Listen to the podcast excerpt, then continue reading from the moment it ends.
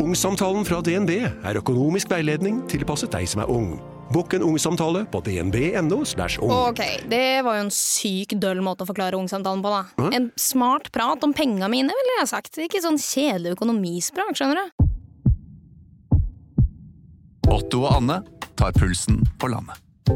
Ja, det gjør vi. Jeg heter Otto Jespersen, og hva var det du het igjen? Jeg heter Anne Grosvold, og hver uke har vi med oss en interessant gjest. Det har vi.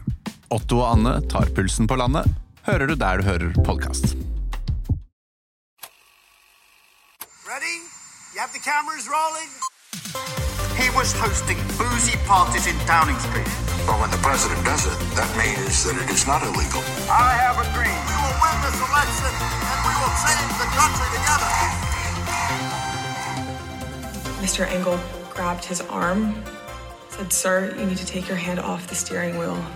We're going back to the West Wing. We're not going to the Capitol.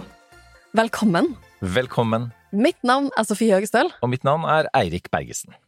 og dette er vårt nokså uhøytidelige, veldig personlige forsøk på å gå bak ukas nyheter, hvor vi leter etter sammenhenger, prøver å se inn i framtiden, på jakt etter det store bildet, slik vi ser det. Og for en uke eh, dette har vært, og, og nå mener jeg det positivt. Det er så altfor ofte at vi har sånn bunnotering for verdenspolitikken.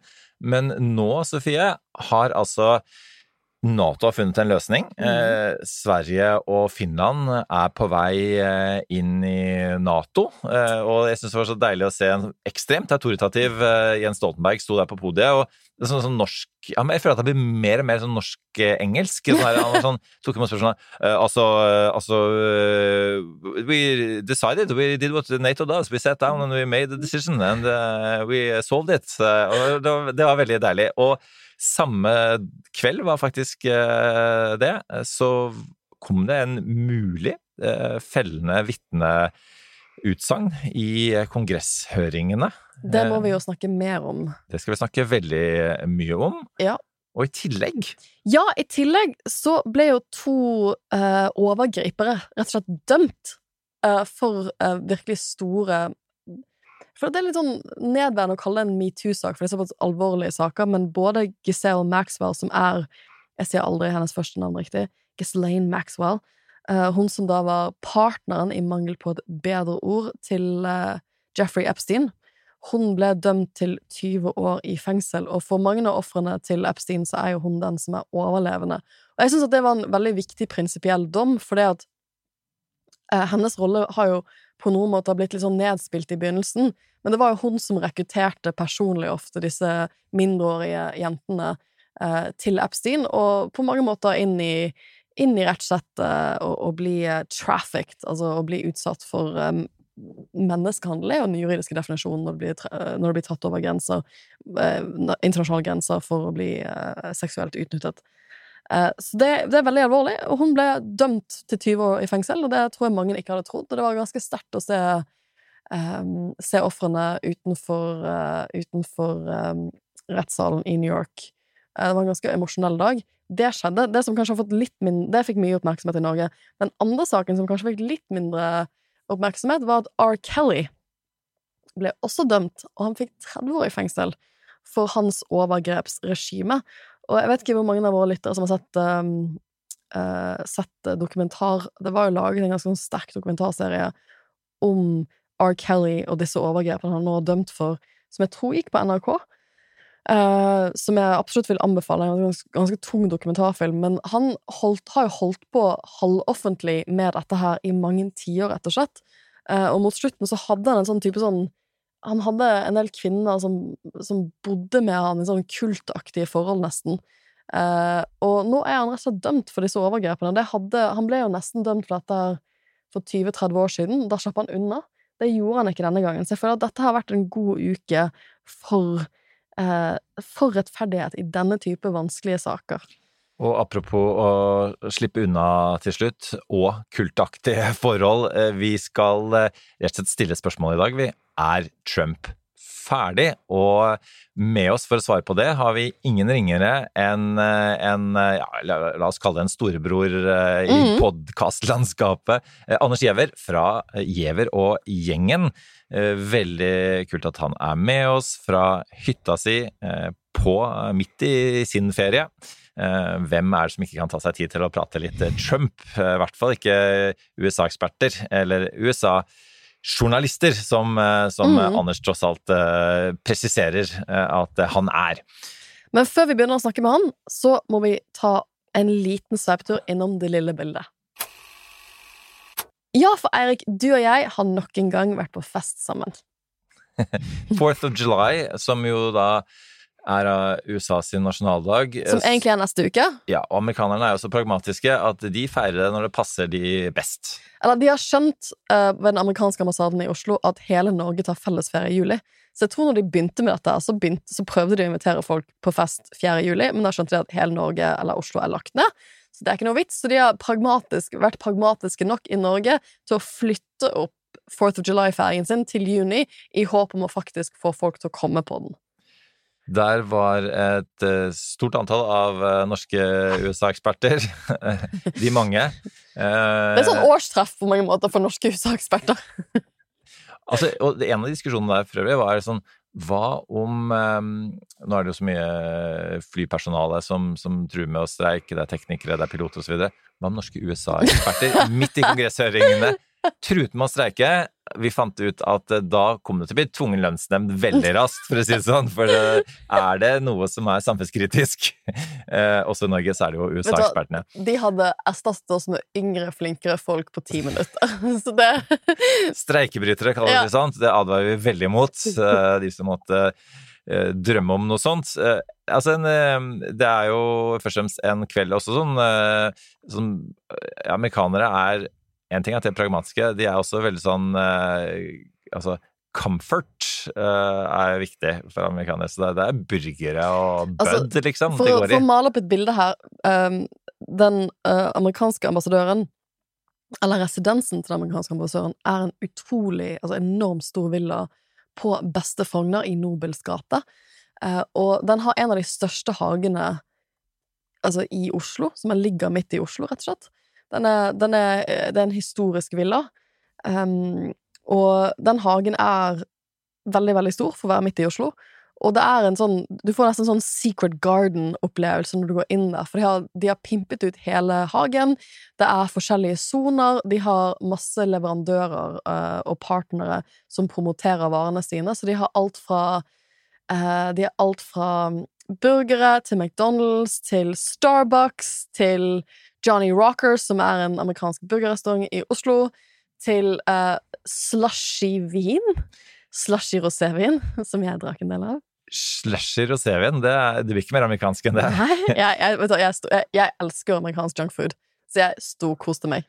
Men det var en anledning til også for uh, ja, det offentlige Norge, da. Det er jo ikke bare folk som uh, sier at de er eksperter. Det er ikke bare USA-ekspert på den festen. Uh, det er ulike mm, folk innen inn politikk og forvaltning som, som, da blant annet fikk treffe Mark Nicholson, som er den nye ambassadøren. Det har ikke vært ambassadør der på ganske på lenge. Mm. og han har en ja, 40 år lang karriere innen uh, amerikanske mediebransjen. Han uh, startet opp uh, kabel-TV. Vi må en medium mogul. Vi jo, jeg, jeg, jeg, kommer faktisk snakke å snakke med han, uh, og så, så, sier han 'whatever I can do to, to, to, to help, uh, uh, let me know'. Og så sa jeg 'seriously? You, you, you, you'd like to, to come and comment yourself?' Sure! så well, take you up on that. Så um... Altså, Fourth of July-festen var en type bonding da med alle disse ymse USA-ekspertene Norge har å by på, og resten av norsk samfunnsliv. Uh, det, var, det, var, et vakkert eventyr. Vi la ut bilder på Facebook-siden vår for å gi deg et bedre innblikk i hvor mye mat Eirik spiste. Vi er ikke like bakfulle som man skulle tro uh, dagen derpå, for dette var jo i går. Vi spiller en podden i dag, fredag morgen. Men vi, dette er jo den andre pod-episoden vi spiller denne uken. Vi spilte jo inn en abortspesial på tirsdag, og vi var jo litt sånn usikre på hvor mange som ville lytte på noe sånt, og vi har ikke prøvd oss på spesialpod før. Og vi har jo fått de beste lyttertallene uh, noensinne på denne episoden. Så tusen takk til alle som, som har lyttet på oss nerde om amerikansk juss i over en time. Det varmer hjertet mitt. Og, men vi klarer jo da ikke å fri oss fra det amerikanske. Nei, for jeg Eh, hadde jo egentlig lyst til å snakke om noe annet i dag. prøver. Ja, og, og jeg gikk forbi, eh, det gjorde sikkert du også, disse forsidene med eh, Senterpartiets fall fra 23 og noe til eh, 4 og noe. Eh, og, og det er jo krisestemning i norsk politikk eh, på den måten, og det, det gjelder jo alle verdens regjeringer, at de ja, de lider alle for et under de uh, usikre økonomiske tidene. Det er ikke bare usikre, de er veldig veldig negative, og vi vet, det har vi snakket om i podden før, uh, at dette vil eh, fortsette. Uh, og da kolliderer det veldig med på en måte de store forventningene og løftene, konkrete løftene som regjeringen, spesielt Senterpartiet, har gitt. Vi må nok eh, innrømme at eh, vi, vi vil ikke kunne ha like mye tid til det akkurat nå, for nå koker det i USA, så det er det som blir fokus for det som skjedde, skjedde var at på tirsdag tenkte jeg sånn Ja, nå har vi liksom virkelig nerdet oss. Nå har vi boret oss ned i tema, USA-tema. Nå går vi Det er så mye som skjer i verden. Nato, Sverige eh, Altså, vi må jo på et tidspunkt snakke om denne dealen som man har gjort med Tyrkia. Uh, Stoltenberg. Hvis du føler deg kallet, så det bare å ringe. Uh, for det har jo allerede blitt litt kontroverser om hva Tyrkia har fått i løfter for å godkjenne dette medlemskapet, vis-à-vis det da Sverige og kurdiske minoritetsgrupper. Det må vi snakke mer om. Vi skal jo begynne med sommerspesialene våre neste uke. Den første sommerspesialen som vi allerede har røpt, er jo med Karen Anne Eggen, som er en superekspert på russisk politikk, eh, forsvarspolitikk, og skal, hun skal gi oss et bedre innblikk i Putin, så dette er jo noe vi kan snakke med henne om neste uke. Så vi kommer tilbake til det. For det som skjedde da, etter vi har spilt i denne spesialpodden, og etter alt, er jo på onsdag Altså, denne uken har vært helt crazy. På onsdag så plutselig er det klart at, eh, at eh, disse kongresshøringene om stormingen, uh, 6. januar-stormingen i USA, de hadde jo egentlig sagt at de skulle ta ferie i noen uker og komme tilbake igjen med høringer i juli. Så derfor hadde jeg tenkt at ok, vi snakket om det forrige uke, trenger ikke å snakke om det på en stund. Men så kommer de plutselig ut og sier at de skal ha en hasthøring. Eller det er vel tirsdag de sier det. På onsdag. De har et nytt vitne, og de har lyst til å fremstille for offentligheten. Og jeg tenkte jo sånn, ja ja, hvor sexy kan dette egentlig være? Men jeg skudde jo heldigvis på TV allikevel.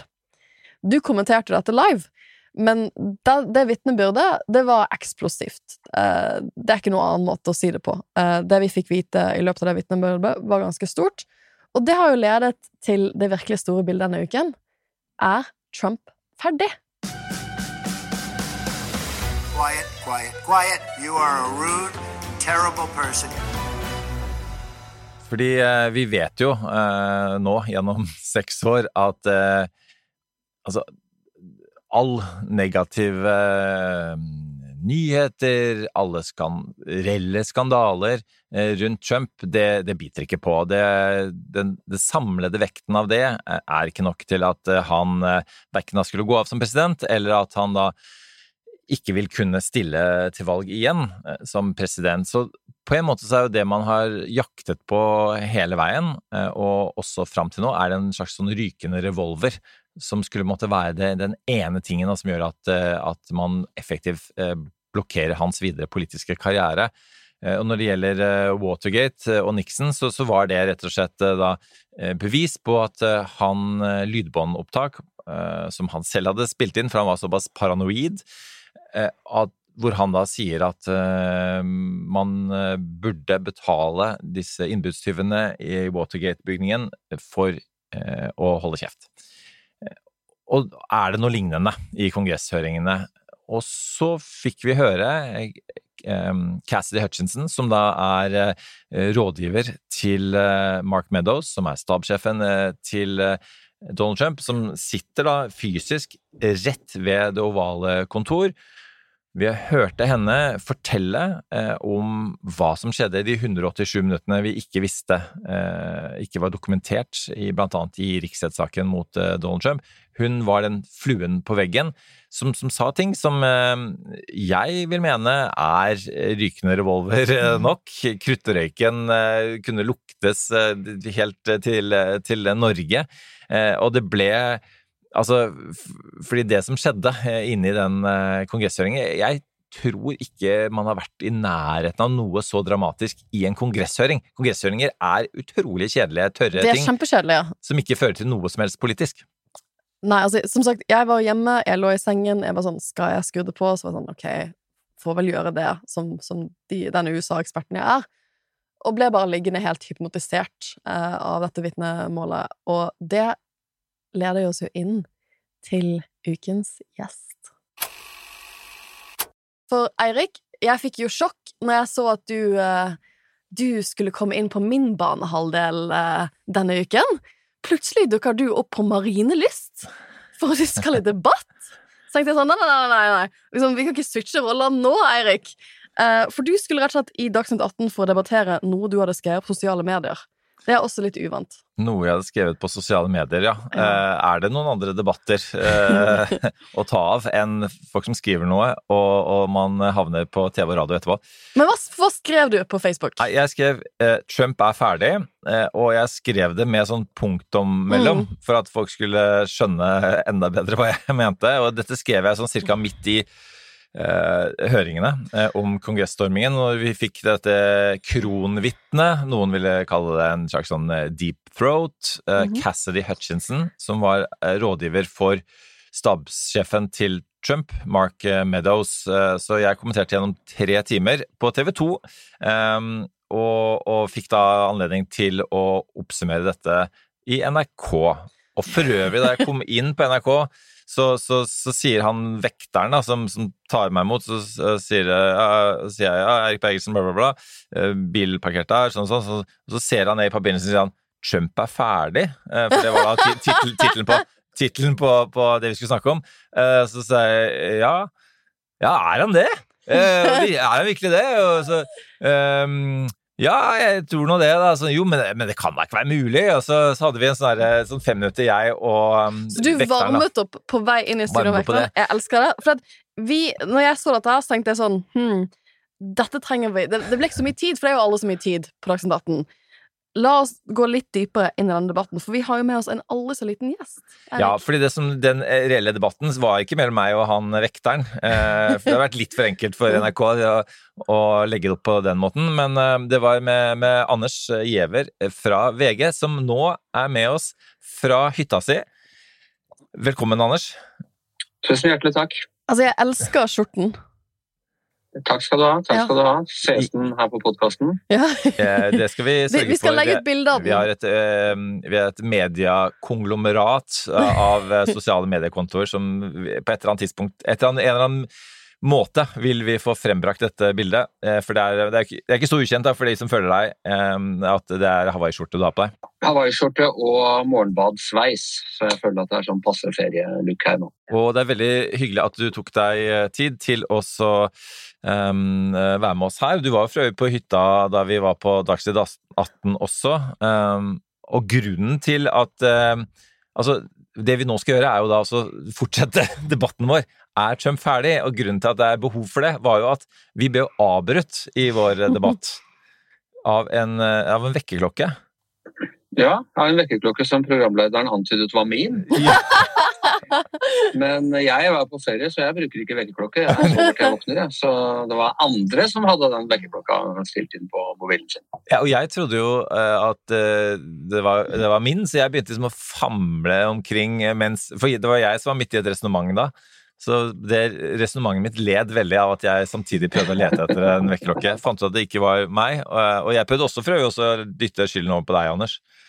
Ja, Nei, det er greit å ha en prygelknabb som ikke er i studio, så Gi skylda på VG. Det, altså, det er sånn gammel mediegreie. Det var Espen Aas selv, ja. Det var Espen Aas selv, men ja. Han har beklaget både på lufta og i private henvendelser. Og, så jeg har lagt den saken bak meg. Sånn så, så snart kommer Espen Aas til å stille, kanskje, kanskje, i VG lørdag, med sånn her, snakke om den tøffe tida etter vekkerklokkegate. Jeg føler at dette egentlig var ukas medieskandale, og ikke den med Fredrik Gressvik. ja, nei. Uh, jeg kan jo ta over rollen til Espen Aas um, ja. som programleder. Ja. Uh, for jeg er jo litt der, det sa jeg til Eirik på veien, at jeg er litt der at som USA-ekspert så er jeg veldig lei av å måtte spå ting. Jeg tenker sånn jeg har tatt feil om Trump siden han kom ned de gylne trappene sine da han annonserte kandidaturet sitt i 2016 og holdt sin introtale, som jeg tenkte sånn, dette var helt sinnssykt. This is not going anywhere. Og her sitter vi, da, seks år senere. Uh, så jeg, jeg, jeg føler at jeg, gitt, jeg henger opp min spådomhatt. Uh, men dere er jo da fortsatt i spådommarkedet. Og Eirik, vi kan jo begynne med deg, for det er du som har kommet med en påstand her. Hvorfor er Trump ferdig?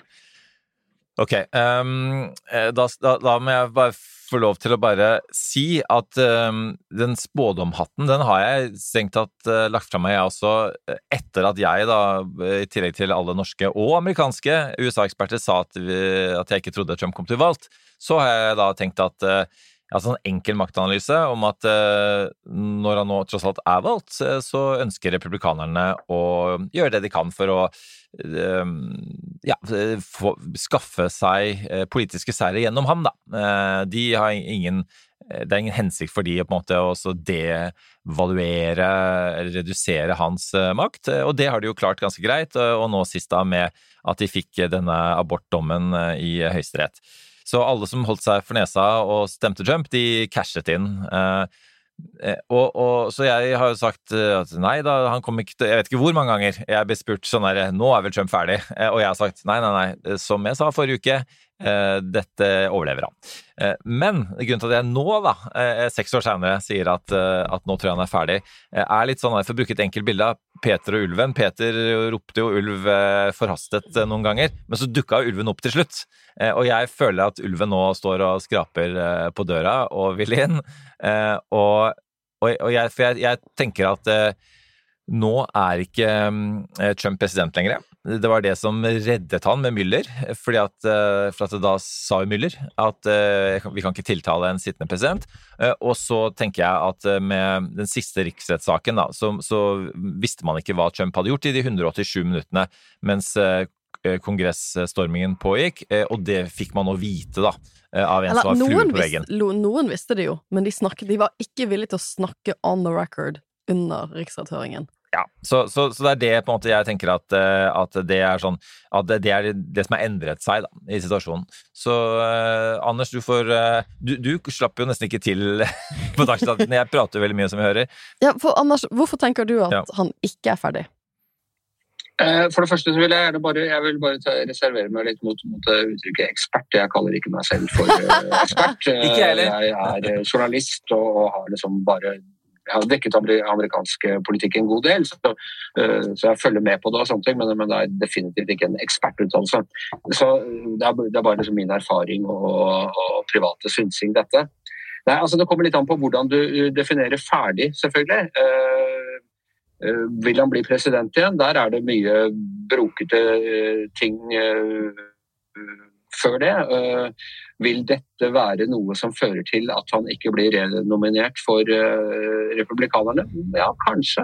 Det kan skje. Men når jeg mener ferdig, så når jeg mener at han ikke er ferdig, så mener jeg at vi er dessverre ikke, og jeg skulle ønske du hadde rett, vi er dessverre ikke ferdig med Trump. Han dette som kommer fram nå, ja, det får alle oss til å hyperventilere, og herregud, og går det an? og og sånn, men Det har vi jo sett en rekke ganger før. Og, og selve syretesten er jo at Trump har eh, klart å gjøre det til for å være en sånn lojal republikaner, ikke være en rino, en republikaner, eh, republican in name only. Så må du sverge troskap til den løgnen hans om uh, at, uh, at det var valgfusk som gjorde at uh, Biden ble valgt.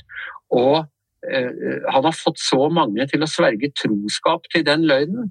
Eh, og når, du, når, du, klarer å skape en, en sånn løgn, så spiller, og det synes jeg det har vært Trumps genistrek. Han, han, han, lyver på en måte som gjør at uh, alle bare er du, Enten så, så, ser du nei, dette er løgn, dette stemmer ikke, eller så bare kjøper du hele den uh, uh, hans Hva var det de kalte alternative fakta.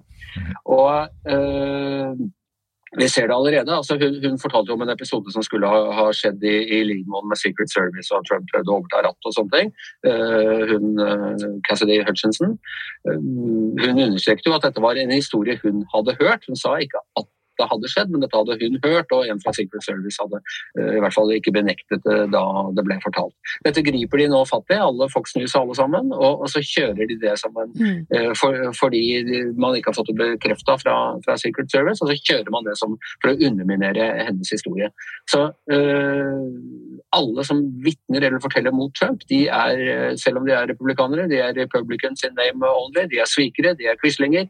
Trump-toget bare ruller og går. Og det er en såpass stor eh, demografisk gruppe i eh, USA at um, selv om han ikke nødvendigvis vinner valg. og Han hadde jo griseflaks da han vant i 2016. Det var jo en sånn stang inn-seier. han hadde jo ikke et flertall av uh, velgerne uh, i ryggen, og så tapte han altså i 2020. Men det er en såpass stor gruppe. Og Cassidy Hutchinson er blitt sammenlignet med John Dean, som alle USA-nerder vet at var, ga noe avgjørende vitnemål mot Richard Nixon under Watergate-høringene for 50 år siden. Og John Dean er for uttalelsen 'Mr. President, there's a cancer on the presidency'. Altså det er en kreftsvulst på, på ditt presidentskap. Og man kan si noe av det samme om bare at det er ikke på presidentskapet til Trump, det er Trump som er denne ondartede svulsten på det amerikanske demokrati. Og så lenge han sitter nede i Florida der og, og agerer konge, og folk må komme inn og kysse ringen og øh, bli godkjent av han, en såpass stor gruppe, så vil han ha, kunne fortsette å gjøre ubotelig skade på det amerikanske demokratiet. Ja, for du nevner jo dette med Cassidy Hutchinson og, denne episoden hun fortalte om, eh, om eh, at Trump skal da ha prøvd å gjøre noen basketak på livvakten sin i håp om å få livvakten til å kjøre han til, eh, til The Capitol, altså til kongressbygningen, eh, rett før stormingen, da. Og det, det, jeg tenkte litt når jeg hørte, for jeg satt jo også og hørte vitnemålet, ikke i TV 2-studiet, men, men, hjemme, um, det var at jeg, ble, jeg blir litt irritert på komiteen her, for jeg føler de har gjort en dårlig jobb. For de har jo forhåndsintervjuet henne mange ganger. Uh, og så har de Og det er litt sånn, du, du spør jo ikke noen spørsmål i sånn type åpen høring som du ikke vet svaret på. De visste jo alle svarene som kom fra denne utspørringen. Og hun er under ed, hun er relativt ung. Uh, det er en ganske sårbar posisjon å være i. Jeg husker jeg leste intervjuer med folk som var young staffers som henne, da, under Clinton, og plutselig måtte vitne i Monica Lewinsky-saken. De bare sånn Det kostet så mye penger, du må skaffe deg advokat. Du kan ikke finne på å gå inn i noe sånt uten å ha hatt advokattjenester, uten å og liksom fått juridisk rådgivning rundt hvordan du skal uh, uh, bare forberede sånt vitnemål. Og det at komiteen, da For hennes vitnemål trengte ikke egentlig den historien om Trump i Secret Service-bilen.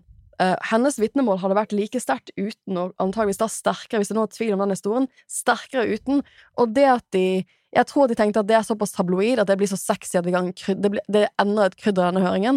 Men nå har de jo satt henne i saksa. For det, det, hadde vært ganske lett for de å si at, å, å, å, rett og slett verifisere den historien på forhånd. Og si ok, men du, du hørte det. Det er ikke noe du personlig har opplevd. Da ringer vi litt rundt på Secret Service, for dette kan vi finne ut av. ikke sant?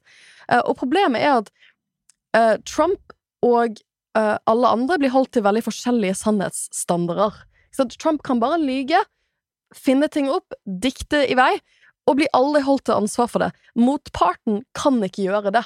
Motparten må være ekstremt etterrettelig. Så jeg tenker at her har de gjort en ganske stor taktisk blemme, som ikke nødvendigvis er hennes feil. For hun, jo, hun er jo under ed, hun har blitt kalt inn for å vitne, hun blitt kalt inn til å svare på de spørsmålene de allerede har stilt henne før.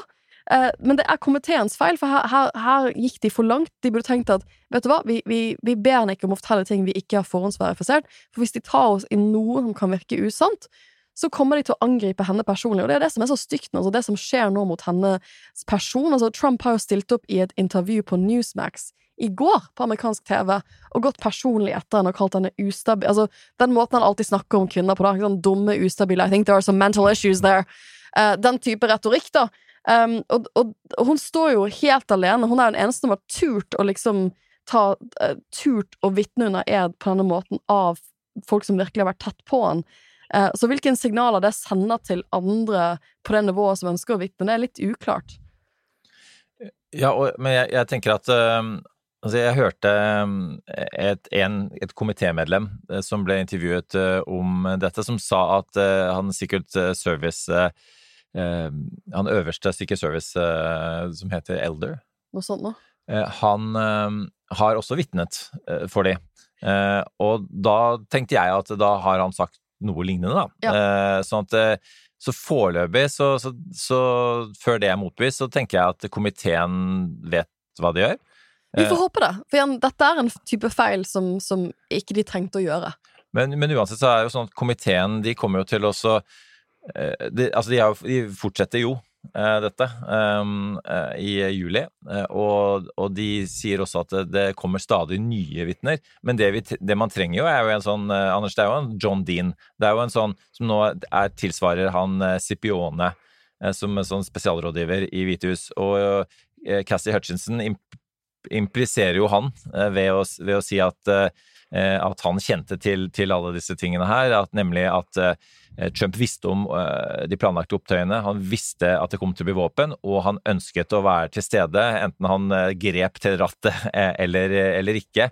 Og i utgangspunktet så er jo det, og dette er jo litt, sånn, en del av min bakgrunn for at jeg tror at han kan bli rettsforfulgt, er jo at er jo, dette handler jo om criminal intent. Dette handler om at, at han, altså Justisdepartementet da, ikke kan la være å etterforske og potensielt påtale Eh, dette her hvis, eh, hvis de har bevis da, som er eh, hevet over rimelig tvil. Hva tror du muligheten er for det? Ja, altså det er jo, det er jo et, Han er jo allerede under masse etterforskninger og sånn, men jeg tror egentlig at uh, de kunne hatt videoopptak av at Trump står og sier, roper 'hang Mike Pence' fra uh, det ovale rom. og, og alt dette fra bilen og i det hele tatt, og det ville ikke spilt noen rolle for denne her uh, altså du, har, du har swing votes og du har, uh, du har noen i, i randsonen der, men han har klart å skape en sånn helt utrolig lojalitet. og husker Han sa jo selv under valgkampen i 2016 at han kunne gått ut og skutt et menneske, en fyr på, på, Fifth Avenue i, på Manhattan og, og i offentlighet, og det ville ikke få noe innvirkning på, på velgerne hans. Det er det som er hans styrke. Dette er dette er en kult. Uh, og, det, og, det, er kanskje det mest vellykkede uh, politiske kulten i, uh, i, verdenshistorien. Bygget opp gjennom da, fjernsyn og reality-TV og, og, og medier og også i, i mediene. Og det skal så mye til å bryte inn der. Eh, så kan han selvfølgelig straffe, rettsforfølgelse og straffeforfølgelse. Det det er, noe med det amerikanske systemet. Hvor mye skal de gjøre? De har stilt ham for riksrett to ganger. Hvis man begynner å skape en presedens eh, for å rettsforfølge presidentene i, eh, i all eh, evighet etter at de har gått av, så er det, det er ikke heldig for demokratiet, det heller. Så igjen bidrar til hvordan Trump har skadet det amerikanske um, demokratiet på, på ubotelig måte, og at vi dessverre ikke er ferdig med ham før han dør, tror jeg. Jo, men Anders, siden du først er her. Hvis Mike Pence hadde blitt tenkt, tror du, tror du det Altså rett og slett, altså, hadde det vært nok? Eller kunne han til og med overlevd det? altså, jeg tror han fortsatt ville ha tilhengere. For det var jo altså de som løp der og ropte 'hang Mike Pence', de mente åpenbart at det burde skje. Det ble bygd osv. Eh, men OK, altså hvis, jeg, hvis Pence hadde dingla foran Capitol, eh, så ville han kanskje ha gått noe tilbake, i hvert fall, i hvert fall nord for eh, Mason-linja.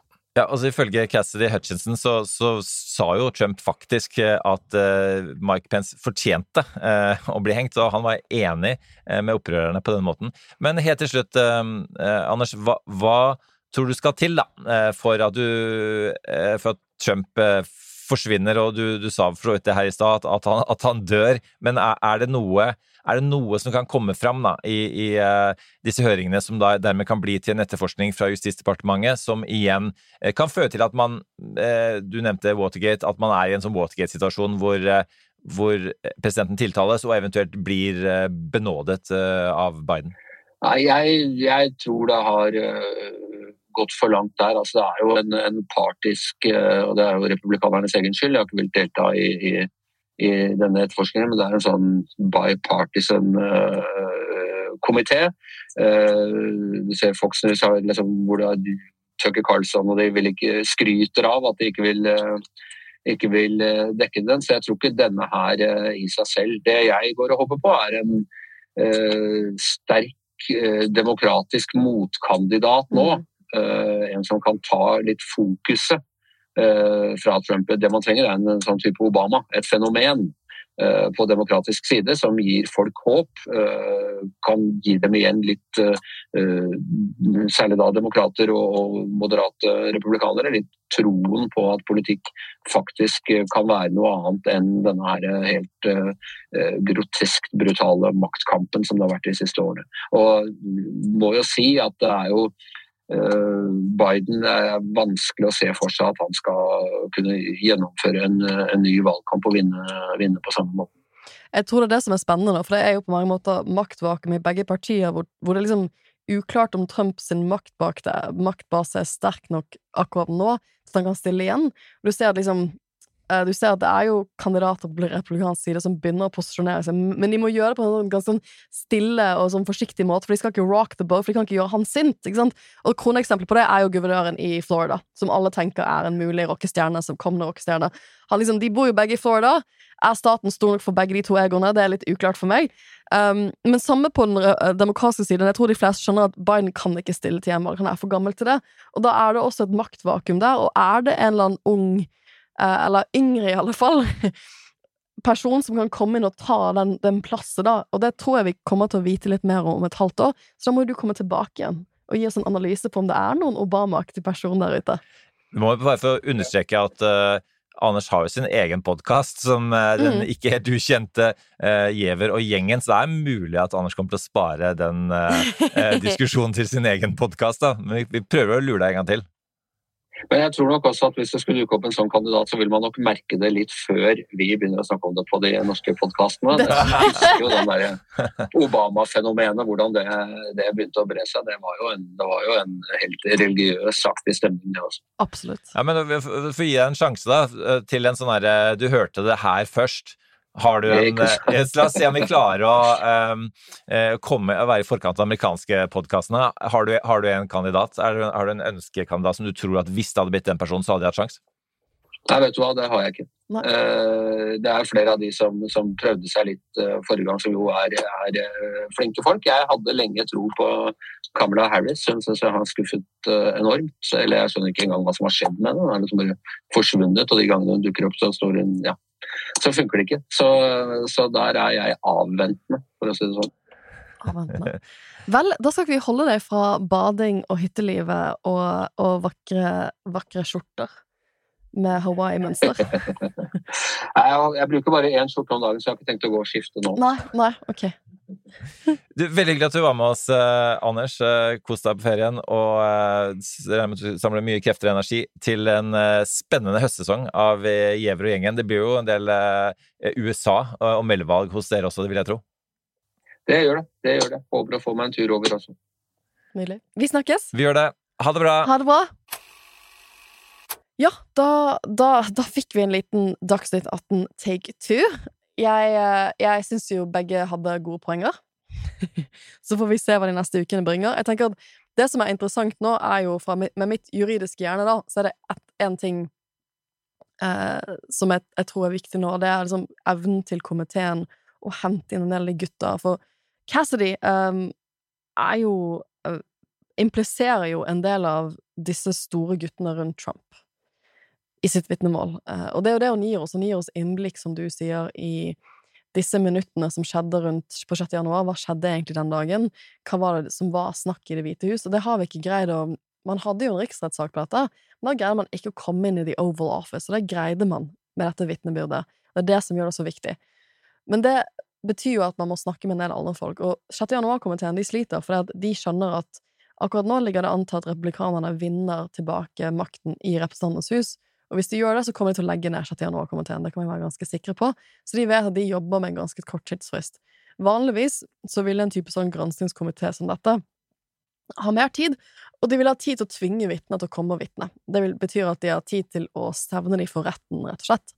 Trekke de inn for en domstol og tvinge de til å vitne. Eh, med fengsel som straff hvis de da ikke eh, sier seg villige til å komme og snakke for komiteen. Men de har skjønt, og de har sagt rett ut, at det har vi antageligvis ikke tid til, fordi rettsprosessene i USA tar lang tid. Eh, så det, de, de, de, jobber mot klokken her. Eh, så det store spørsmålet nå er om de får inn Cipioni, som er denne White House Council. Og for alle som har sett på West Wing, så har vi jo en idé av hva en White House Council er. Det er jo på mange måter Det er jo advokattjenesten i Det hvite hus, men som som blir sagt på West Wing, og som er sant, så er det ikke presidentens personlige advokat. Det er en sånn klassisk scene i West Wing, for i West Wing så har jo uh, president Bartlett løyet om helsetilstanden sin, så det blir en spesialetterforskning om det.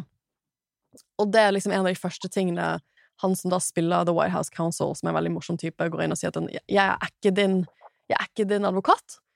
Så alt du sier til meg, kan jeg måtte bli tvunget til å si til andre i en type høring som dette. Uh, men det er klart at selv om det er det prinsipielle utgangspunktet, så er det ikke bare bare juridisk heller å trekke inn eh, advokaten i Det hvite hus for en sånn type komité. Så komiteen har jo prøvd å få han i flere uker, og det er litt sånn cat and mouse game, hvor han har sagt nei. Um, uh, Scipioni er visstnok noe så eksotisk som en person som liker å holde seg i bakgrunnen. Han ikke Han vil ikke være the center of the story. Han har sagt nei. Nå ser det ut som han kanskje indikerer at nå har han jo blitt stevnet, nå prøver de å tvinge han til å komme og vitne. Uh, at han kanskje vil være åpen for det da. Og så må de jo avklare liksom, hvilke type spørsmål kan de stille han. Hvilken type, type spørsmål vil ikke falle inn under det man kaller for privilege, som er taushetsplikten han da kanskje har overfor staben i Det hvite hus. Og det er, sånn, det er jo masse sånne juridiske spørsmål her om hvor langt den taushetsplikten gjelder, som heller ikke er juridisk avklart. Men de har ikke tid til å gå til Høyesterett for å avklare det nå! De må få han inn for å vitne. Og det tror jeg det, det, det, skjer det i løpet av neste ukene, så vil det være stort. For da, det jeg lurer på, Sofie, som, som jurist, da, hva tenker du om en sånn mulig For det, det, det, er jo det som må, vil være avgjørende. En mulig etterforskning eh, og en mulig tiltale fra Justisdepartementet. Eh, fordi hvis det kommer fram nok i denne høringen som eh, rett og slett er ulovlig, eh, så kan jo ikke justisministeren på vegne av påtalemyndighetene gjøre noe annet enn å forfølge dette juridisk? Kan de det? Han kan egentlig Altså, nå er vi, nå er vi, nå er vi inne på ting jeg har skrevet om i doktorgraden min. Ja. og det er sånn Forskjellen mellom eh, en tysk strafferettsmodell, som vi har litt mer av i Norge, og en amerikansk-britisk strafferettsmodell, er at i våre systemer hvis du er statsadvokat og du har så så mye bevis, så er du pliktet til å ta ut en tiltale. Du har ikke så mye valg. Du har ikke noe skjønn. Da skal du ta tiltale. Og det er litt sånn likhet for loven. At hvis du er tysk um, statsadvokat, og du sitter der med nok bevis mot til og med Tysklands kansler, så må du rett og slett ta ut tiltale. Du har veldig lite juridisk skjønn. Du skal gjøre det. Og, og det gjelder jo selv om du tenker at det er mulighet for at du taper saken. Ja, liksom. Og det, det er litt sånn likebehandling. Men i det angloamerikanske systemet så har du masse skjønn. Du er ikke juridisk tvunget til å ta ut tiltale. Så det er jo mye mer skjønnsbasert, det er mye mer opp til statsadvokatens vurdering om de tar tiltale eller ikke. Så i det angloamerikanske systemet så er det ingen rettsregel som tvinger Justisdepartementet til å ta ut en tiltale i den, denne saken her. Det blir jo opp til en skjønnsvurdering, og det var vi jo inne på litt forrige uke, de valgte jo for eksempel Nixon var tydelig hadde tydelig gjort seg skyldig i strafforhandlinger. De han gjorde det med, ble jo dømt. Det ble ikke Nixon, for de benådet han, og de valgte å ikke ta ut tiltale mot han.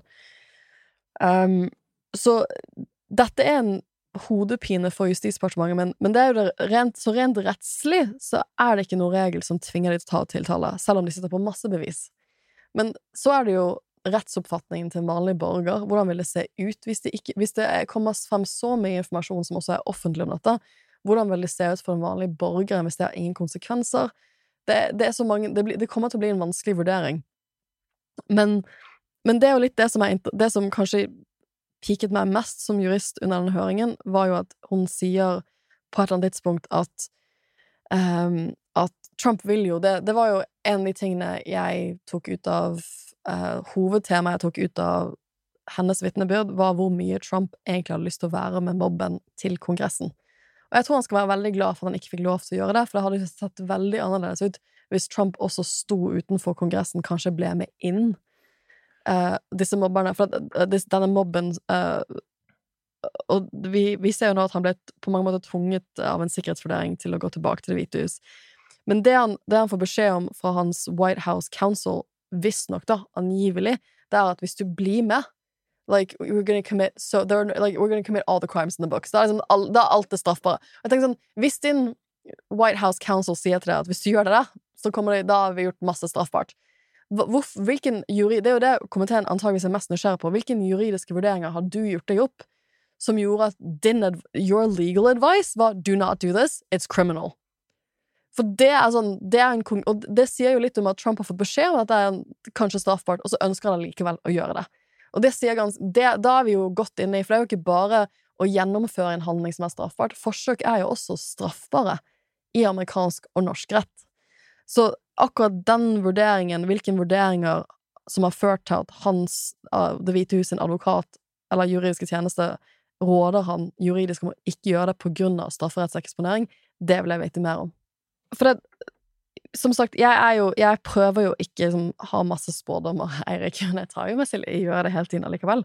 Og en av de tingene jeg tenker sånn, som er interessantest nå, er at på den ene siden så virker det plutselig som denne kongresskomiteen har kommet lengre med arbeidet sitt enn det man skulle tro. For en av, de, en av den andre takeawayen min fra vitnemålet til uh, Cassidy på onsdag, var at det er fortsatt mye vi ikke vet. Jeg har jo tenkt at her har jo journalister prøvd sitt aller beste i halvannet år å komme frem til hva som skjedde her, men gud, det virker som det er fortsatt ganske mye som har skjedd bak kulissene som vi ikke vet. Er dette her liksom dammen som åpner seg nå? Får vi virkelig vite hva som skjedde i de dagene rundt, altså blant toppledelsen blant Trump i de dagene rundt? Det gjenstår å se. Men det, sånn, som er litt vanskelig for, for, Biden, er at på den ene siden så, så går kongresskomitéhøringene bra. Mye bedre kanskje enn en del folk ville trodd. På den andre siden så går ting veldig dårlig for Biden. For jeg, var det, jeg, jeg satt og så på CNN uh, i går, som man gjør som USA-ekspert etter å ha vært på en Fourth of July-fest, så hadde de en sånn ny meningsmåling som er tatt opp denne uken her, hvor de spurte folk Is the country headed in the wrong direction? Altså, er, er landet på feil vei? På feil kurs? Og da svarte 85% av de som ble spurt, ja. Og det er da 92 av republikanerne svarte ja, og 78 av demokrater svarte ja. Og jeg er jo aktiv i Venstre. Jeg vil ikke si at vi i Venstre har sånn oppskriften på å vinne valg. Så jeg, sånn, jeg skal ikke begynne å rådføre folk liksom, om en vinnende valgstrategi. Men jeg tenker sånn, det er ikke bra å stille til valg hvis du er president eh, i mellomvalg om noen få måneder, når 85% av landet tenker at landet går feil vei. Nei, og apropos prosenter, det er en stund til dere har 85 av eh, helst. Og, og det at, men det at 85 eh, samles om noe, om som, noe som helst i USA, eh, er jo helt oppsiktsvekkende. Og det som er eh, skummelt, er jo at det de samles om, eh, er jo at ting går til helvete. Ja. Eh, sagt. og uten å røpe hvem som sa dette eh, på mottagelsen hos amerikanerne, så var det noen, la oss si assosiert med ambassaden, som sa at eh, ja, de rett og slett var veldig, veldig pessimistisk i forhold til og det handler ikke om det vitnemålet, det handler ikke om kongresshøringene, det handler ikke om valget, men bare fremtiden for amerikansk politikk. Ja. Og demokratiet Og, og demokratiet. Eh, Og det leder oss inn på eh, ukas avkobling og påkobling. Fordi eh, det som er min påkobling, Sofie, det er boka These Truths. History of the United States. Det er skrevet av ei som heter Jill Lepore, som både underviser på Harvard og skriver i The New Yorker. Og These Truths eh, den eh, handler rett om eh, måte de tre ideene bak det som er kalt det amerikanske eksperimentet. Det som, som Jefferson påpekte, altså political equality, natural rights and the sovereignty of the people.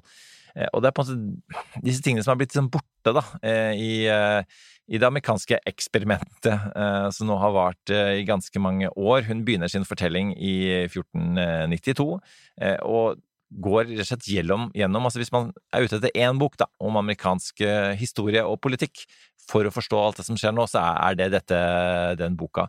Eh, Fordi hun går gjennom hele historien og ser på en måte hva som har formet det USA vi ser i dag. eh, Og for meg, jeg prøver å lese en sånn bok en gang innimellom, bare for å huske eh, både det som fascinerer meg i utgangspunktet med, med USA, eh, et land som jeg, som jeg vokste opp i, som, som på mange måter var en amerikansk drøm eh, for meg, helt til jeg nå innser med all tydelighet at den amerikanske drømmen lever mye bedre i Norge enn i USA.